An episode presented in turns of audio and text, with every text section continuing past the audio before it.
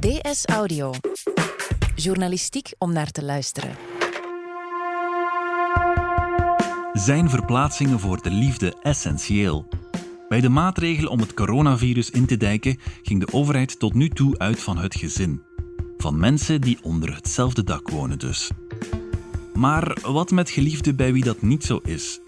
Voor hen is dit een relatietest. Maar voor alle anderen wellicht ook. Het is dinsdag 24 maart. Mijn naam is Niels de Keukelare en van op afstand is dit DS Audio.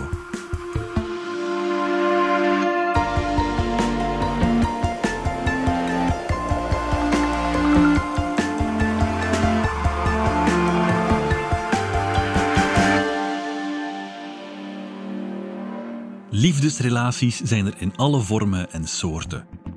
Veel geliefden wonen samen, maar veel ook niet. Of nog niet. Door de coronacrisis zijn er vorige week twee groepen ontstaan. Geliefden die elkaar plots een hele tijd zien en geliefden die elkaar plots een hele tijd niet meer zien. Waar de quarantaine toe zal leiden, daar wordt al volop over gespeculeerd. Krijgen we een echtscheidingsgolf? Of een nieuwe babyboom? Eén ding is zeker, voor elke relatie is dit een flinke stresstest. Sarah van Kerschaver, binnenlandsredactrice. Vandaag, een week geleden, kondigde de overheid een tweede reeks maatregelen af in de strijd tegen het nieuwe coronavirus. En een van de vragen die mensen zich meteen stelden was: wat met de geliefden? Ja, klopt. Uh, natuurlijk, dat was een week geleden. En de situatie verandert intussen wel dag na dag. Dus uh, als je mhm. ziet wat er bijvoorbeeld nu gaan is in Italië, ja, je moet de dingen natuurlijk wel in perspectief plaatsen. Um, maar evengoed is het een realiteit waar koppels en, en singles vandaag uh, mee geconfronteerd worden. Namelijk, ze zitten in quarantaine. Ja. Uh, contact is beperkt. Ja, je gezin wordt de kern. Uh, of je nu alleenstaand bent of uh, dus met vijf kinderen samenwoont. Iedereen die onder één dak woont, die mag samen zijn. Ja.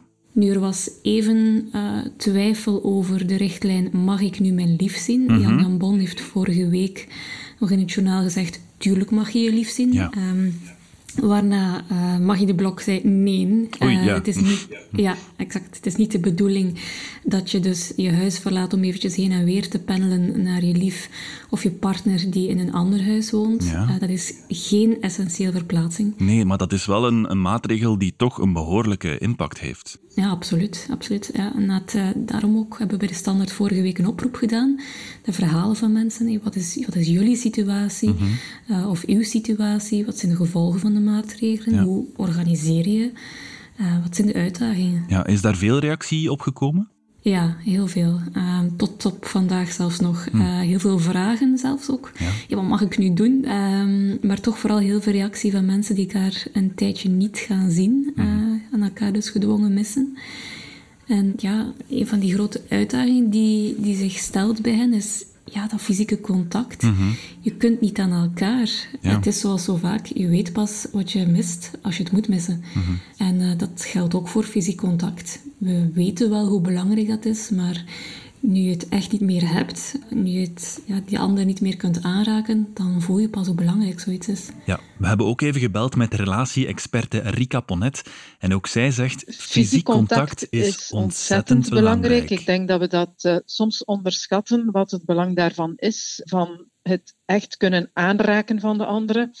Als het er niet is, wordt dat vaak omschreven als huidhonger. Uh, we zien dat ook bij oudere mensen uh, die bijvoorbeeld in een zorginstelling leven.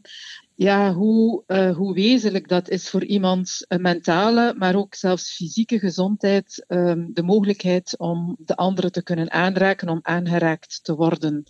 Het is, ja, het is echt des mensen, het is zeer wezenlijk. Ja, Fysiek contact is des mensen, zegt Rika Ponet. Het is zeer wezenlijk. En precies op momenten van grote stress, zoals nu, is dat verlangen naar contact, precies dat contact dat nu voor sommige mensen niet kan, erg groot. Rika Ponet zegt, als we grote stress hebben, dan is de, de eerste, aandrang, van, mensen... Dat is ons eigenlijk wenden tot de anderen. Uh, intieme contacten zijn op zo'n moment heel belangrijk. Uh, je ziet dat ook, de buitenwereld wordt eigenlijk iets wat we als een beetje gevaarlijk ervaren. En dus plooien we ons terug op die binnenwereld. En dat is dan voor de meeste mensen een partner, het gezin uh, waarin men dagdagelijks leeft. En uh, die mensen mogen en kunnen aanraken is heel belangrijk bij het reguleren van die stress. Dus het, het speelt een zeer wezenlijke rol in onze stressregulatie en dus ook in ons welbevinden.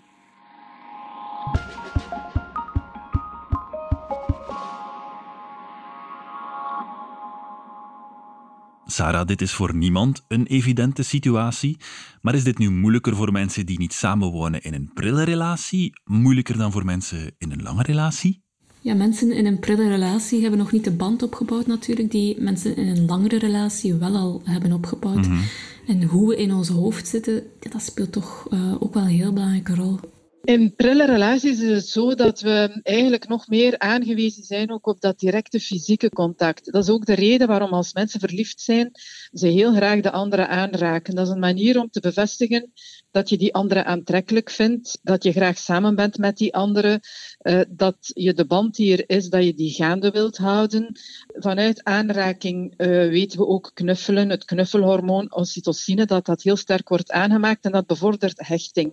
We zien dat van bij geboorte. Als een kind zoekt direct eigenlijk het lijfelijke contact, de huid van, uh, van een mama en papa, omdat op die manier inderdaad dat hormoon wordt vrijgesteld en op dat moment daar ook een hechtingsband ontstaat. En dat is ook op volwassen leeftijd zo. Dus als we een volwassen liefdesband aangaan, speelt dat hormoon een heel belangrijke rol. En dat komt er door elkaar ook fysiek aan te raken. Ja, fysieke contacten zijn voor prille relaties dus belangrijk omdat ze iets bevestigen, zegt Rika Ponet. Als je in een lange, vaste relatie zit, heb je vaak al wat zekerheid opgebouwd. Dan weet je, de band die er tussen mij en mijn geliefde is, die is er en die is sterk. Maar in prille, startende relaties voelt dat vaak veel minder zeker en veel minder veilig. En dan helpt fysieke nabijheid, precies de nabijheid die nu door omstandigheden niet mogelijk is, om die te bevestigen.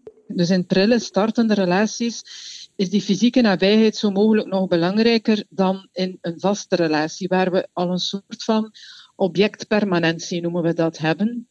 En wat wil dat zeggen, een objectpermanentie? Eigenlijk hebben we al een vorm van een relatie in ons hoofd. De andere, als mijn partner, waar ik al twintig jaar mee samen ben, op reis gaat, eh, dan weet ik, oké, die is nu misschien veertien dagen weg of een maand weg voor het werk, maar de band die er is tussen ons, die is er, die blijft er. En ik kan daar ook in mijn hoofd naar terugkeren. En dat is een vorm van ja, een gevoelde permanentie. Ehm, de andere is beschikbaar, de andere blijft beschikbaar. Wat wij hebben is uh, waardevol, wat we hebben zal ook blijven bestaan over de tijd en de ruimte heen, omdat ik weet dat dat, ja, dat, dat gevormd is, dat die band er is. Dus daar kunnen we inderdaad ook wel een tijdje of een stuk langer zonder die fysieke aanwezigheid van de ander. Maar in een prille relatie is dat veel moeilijker. Hebben we die objectpermanentie nog niet in dezelfde mate.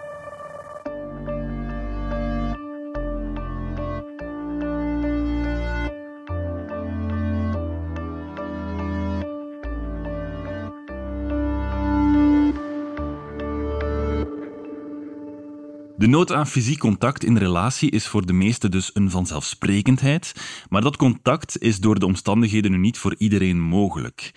Welk effect heeft afzondering op mensen in relatie die elkaar een tijdje niet kunnen zien?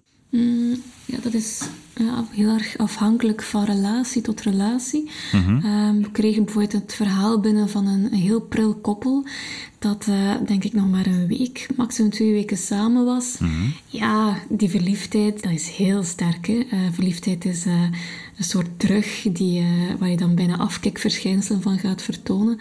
Anderzijds was er ook een koppel dat al negen jaar samen is. Ik ben Arne Vins, ik ben 27 jaar. ik ben samen met Rani, zij is 26 jaar. En uh, we zijn ongeveer bijna negen jaar samen. Ze zijn net aan het verbouwen. We hebben momenteel een huis gekocht. En om wat te sparen waar ze elk net bij hun ouders gaan inwonen, apart. En uh, vooraf hebben we nog niet samen gewoond, om van dezelfde reden. We waren ook niet getrouwd, want ja, ze wilden het sprookjeshuwelijk uh, uitstellen voor daarna. Maar dat maakt het inderdaad extra moeilijk, omdat we nu zoiets hadden van... Ja, eigenlijk wordt er gezegd uh, uit hetzelfde gezin. Dus dan hadden we, hadden we dan op papier met een papiertje getrouwd geweest, dan had het wettelijk gezien wel gemogen. Ehm, dus dat maakt het wel extra moeilijk. Ja, daar hebben ze nu heel veel spijt van, want ze zijn in principe volgens de maatregelen vreemden voor elkaar. Hm. dus die kunnen, kunnen nu ook eventjes na negen jaar niet aan elkaar. Dus ja, wij kiezen dan voor om geen risico te nemen daarin, en onze verantwoordelijkheid wel op te nemen. Ehm, en om even met elkaar te leven daarmee. En op zo'n moment dan voel je natuurlijk wel heel goed wat zijn de fundamenten van onze relatie. Zijn die stevig? En wat kan zo'n fundament aan? Kan die een quarantaine of uh, een crisissituatie van toch minstens enkele weken, kan die dat aan? Mhm. Ik denk als een relatie uh, goed zit, ook een startende relatie, dat we als mens gelukkig de creativiteit en het vermogen hebben om ook voorbij dat fysieke contact, wat we zeker als een gemis zullen ervaren, toch een, een, contact gaande te houden.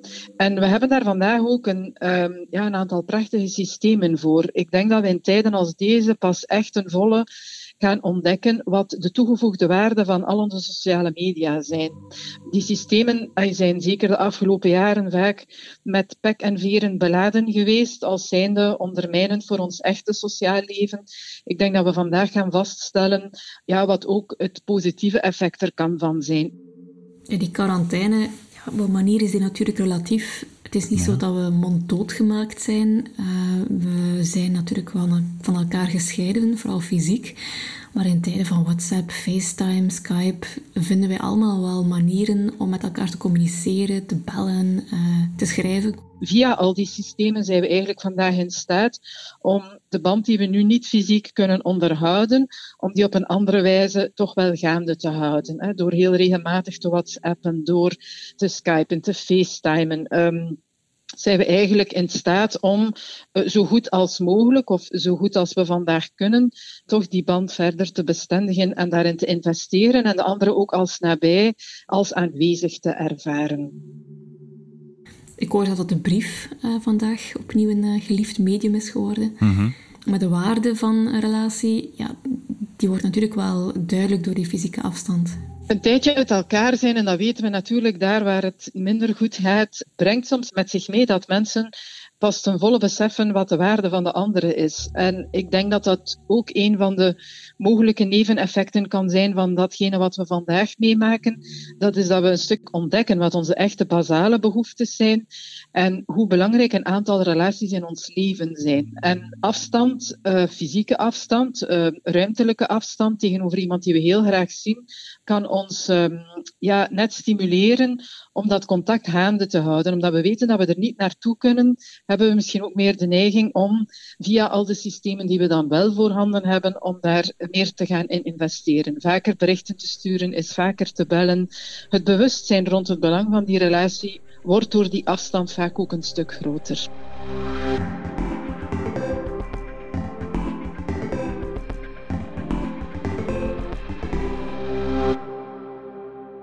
Hoe kunnen we dat gemis aan fysiek contact opvangen? Mm, ja, heel veel communicatie. Mhm. Eh, heel veel verschillende vormen van communicatie. Ja. En, en, ergens je vast uh, klampen aan het idee of aan de hoop dat het tijdelijk is.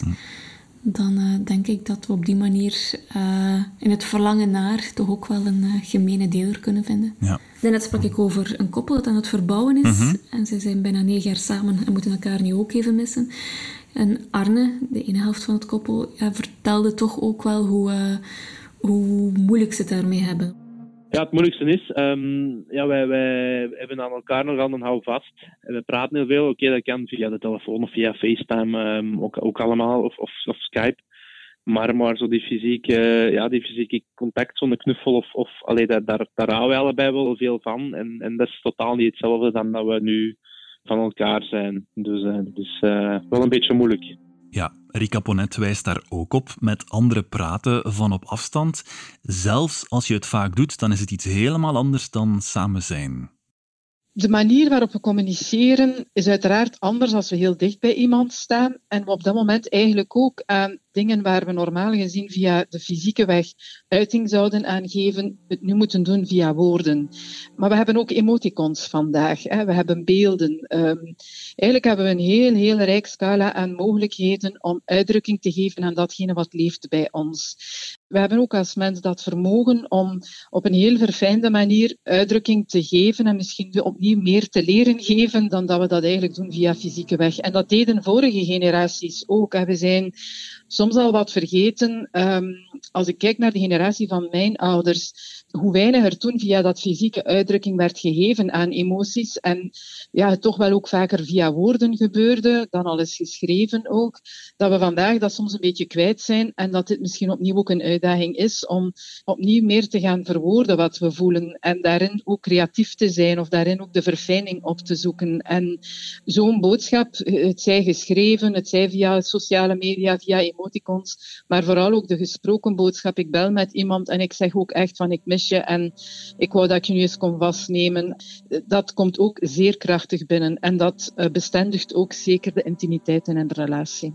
Ja, een van de getuigen die ik heb gebeld voor mijn artikel, die zei dat ook. Ik ben Suzanne de Poortere, ik ben 31 jaar en ik ben sinds kort eigenlijk uit het buitenland terug naar België verhuisd. Suzanne weet heel goed wat het is om een relatie te onderhouden van op afstand, want uh, zij leerde haar geliefde kennen in 2017 in Afghanistan. Ik heb mijn partner eigenlijk leren kennen op mijn eerste missie bij Artsen zonder Grenzen.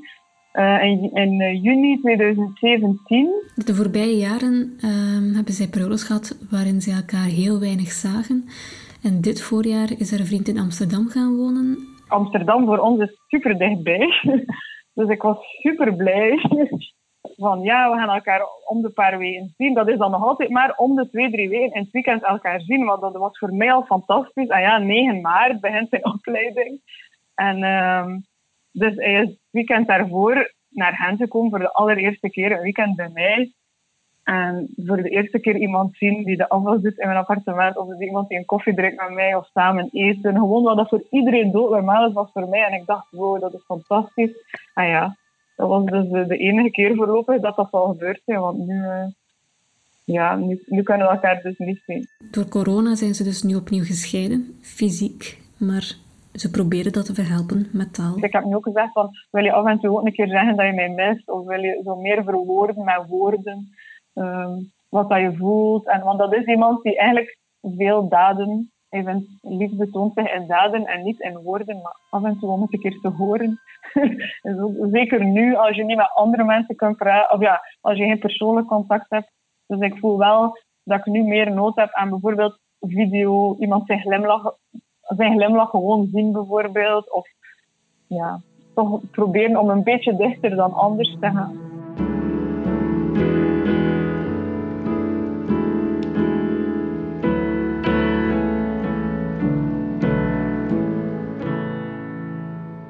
Hebben het hier al de hele tijd over mensen in een relatie die elkaar niet kunnen zien. Maar het omgekeerde hebben we door deze quarantaine nu dus ook. Absoluut. Er zijn koppels die samenwonen en die elkaar nu heel veel zien. Zowel mijn man als ik zelf, de kinderen zijn thuis. Dus ik merk bij iedereen eigenlijk dat we heel erg moeten zoeken naar een soort evenwicht en balans. Dat vergt organisatie. Eerst en vooral al die hygiënische maatregelen preventiemaatregelen. De tweede, om ons werk te kunnen continueren. Bijvoorbeeld, we zitten in telefonische conferenties met uh, twee personen in dezelfde ruimte, waarbij de ene persoon de andere persoon stoort. Ik merk ook dat er veel meer prikkels zijn. Dus ook de zoon zit soms beneden om te studeren. Dan zitten we al met drie mensen professioneel bezig. Ik voel ook dat er bij elk van ons op een of andere manier een zekere stress of angst aanwezig is. En dat we er ook elk op een andere manier mee omgaan. Ja, de mevrouw die hier getuigt heeft het over evenwichten die moeten gezocht worden en stress en angst. Iets wat voor veel koppels herkenbaar zal zijn, vermoed ik. En, zegt Rika Ponet, voor relatietherapeuten ook de quarantaine waar we nu in zitten en die ons er ook toe dwingt om met onze directe huisgenoten 24 op 24 samen te zijn, zal uiteraard niet alleen positieve gevolgen hebben. Ik denk dat um, iedereen die relatietherapie heeft of die met mensen werkt, dat ook zal bevestigen. Uh, dit zal zeker een, uh, een zeer stresserende situatie zijn voor nogal wat mensen. Mensen staan onder druk, er is veel angst. Ehm, niet iedereen krijgt die in zijn uh, gezin van oorsprong of in zijn relatie gereguleerd. Integendeel, als de relatie op zich ook al een stressfactor was, waarvoor we dan ontspanning zochten uh, buiten de relatie, en die ontspanning hebben we vandaag niet, zet dat extra druk op die relatie en die zal zeker naar boven komen. Hè. Dat zal er zeker voor zorgen dat mensen um, ja, ook in conflict situaties belanden die alles behalve aangenaam zijn. Niet evident dus, zegt Rika Ponet. Maar, zegt ze ook, dit is niet de eerste keer.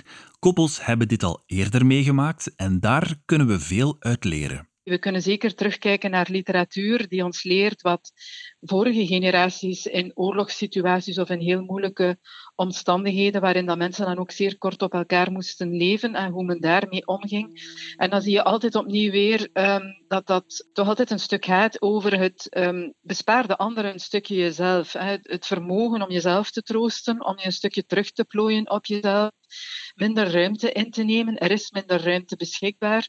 We zijn allemaal heel erg individualistisch.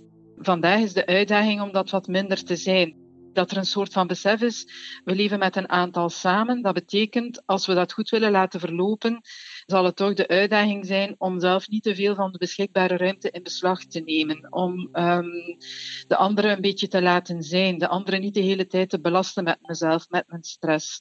Ja, ook voor jezelf, al is het dan in een beperkte ruimte, uh, een stuk vluchtroutes in te bouwen. Uh, lezen, uh, apart naar dingen kijken. Um, Neem de beschikbare ruimte in die er is. Rika Ponet raadt ook aan, ga af en toe een luchtje scheppen. Toch zolang dat mag van de overheid en altijd op een veilige afstand van anderen. Ik denk dat dat een hele belangrijke is.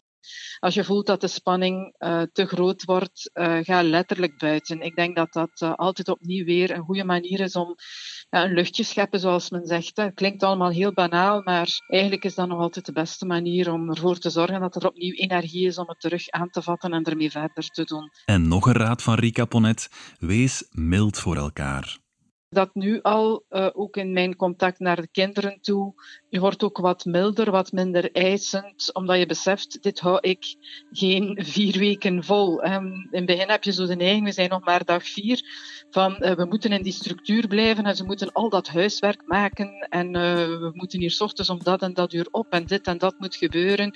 Um, dat je ook voelt van, ja, laat het ook een beetje. Hè. Zorg inderdaad dat er een bepaalde structuur is, maar probeer anderzijds ja, daar ook wat rustig bij te blijven. En uh, op die manier uh, er ook voor te zorgen uh, dat het niet heel de tijd onder druk is en dat er niet heel de tijd een gespannen sfeer hangt in huis.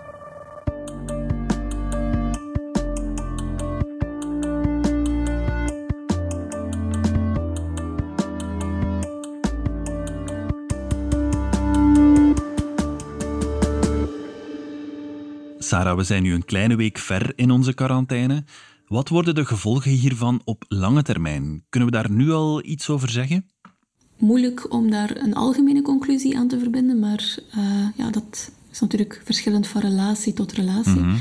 Maar wat je wel kunt zeggen is dat het voor heel veel koppels een uh, stresstest is. Ja, ja, ja. En dat geldt voor alle koppels, of ze nu samenwonen of niet. Het zijn zeer uitdagende tijden. Het is ook een stuk een lakmoesproef van relaties wat we nu doormaken en dat is elke crisis, maar deze zeker. Um, in China meldt men nu al dat er meer aanvragen tot echtscheiding zijn.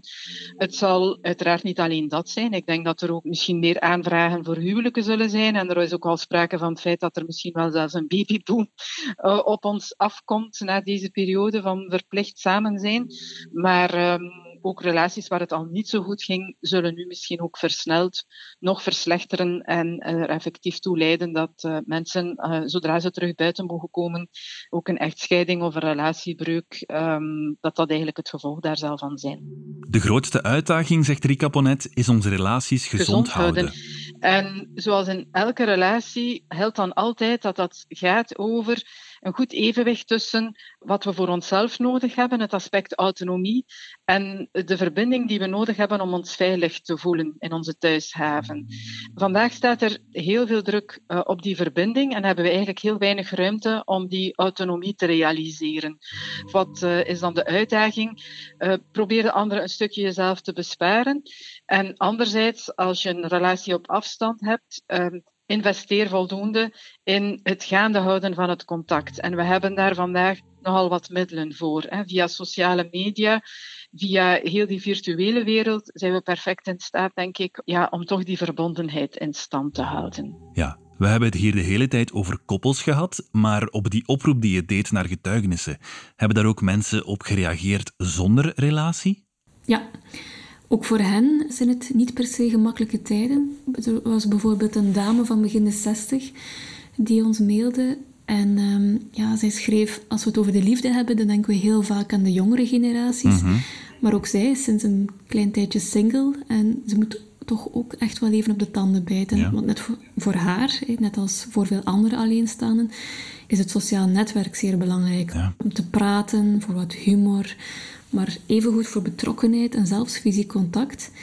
Ja, en denk bijvoorbeeld ook aan singles met friends with benefits. Ja, op dit moment hebben die friends bitter weinig benefits. Ja, ja, ja.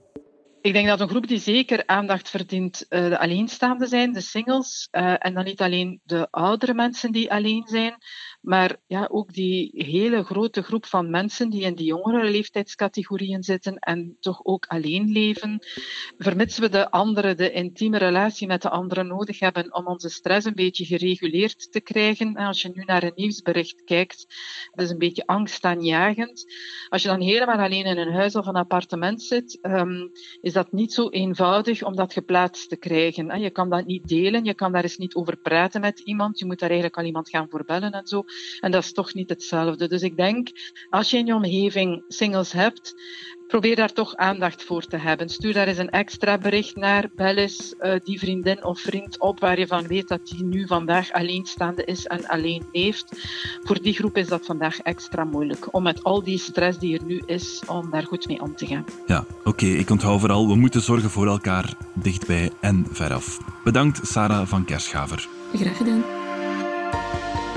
Dit was DS Audio. Heb je vragen over corona? Weet dan dat je terecht kunt op de website www.info-coronavirus.be van de federale overheid. Je kunt ook bellen naar het infonummer 0800 14 689. Wil je reageren op deze podcast of wil je een verhaal delen over de impact van corona op jouw leven? Dat kan via dsaudio.standaard.be. In deze aflevering hoorde je Rika Ponet Sarah van Kerschaver en mezelf Niels de Keukelare. De redactie gebeurde door Sophie Albrecht en Annelies van der Roost, de eindredactie door Wouter van Driessen. Pieter Schrevens en Brecht Plasgaard deden de audioproductie.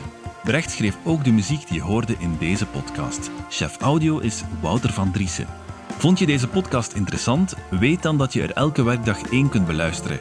Dat kan via de DS Nieuws app of via standaard.be-audio. Je kunt je ook abonneren via iTunes, Spotify of de podcast-app van je keuze. En als je daar dan toch bent, schrijf gerust een review. Zo toon je ook anderen de weg. Morgen zijn we er opnieuw.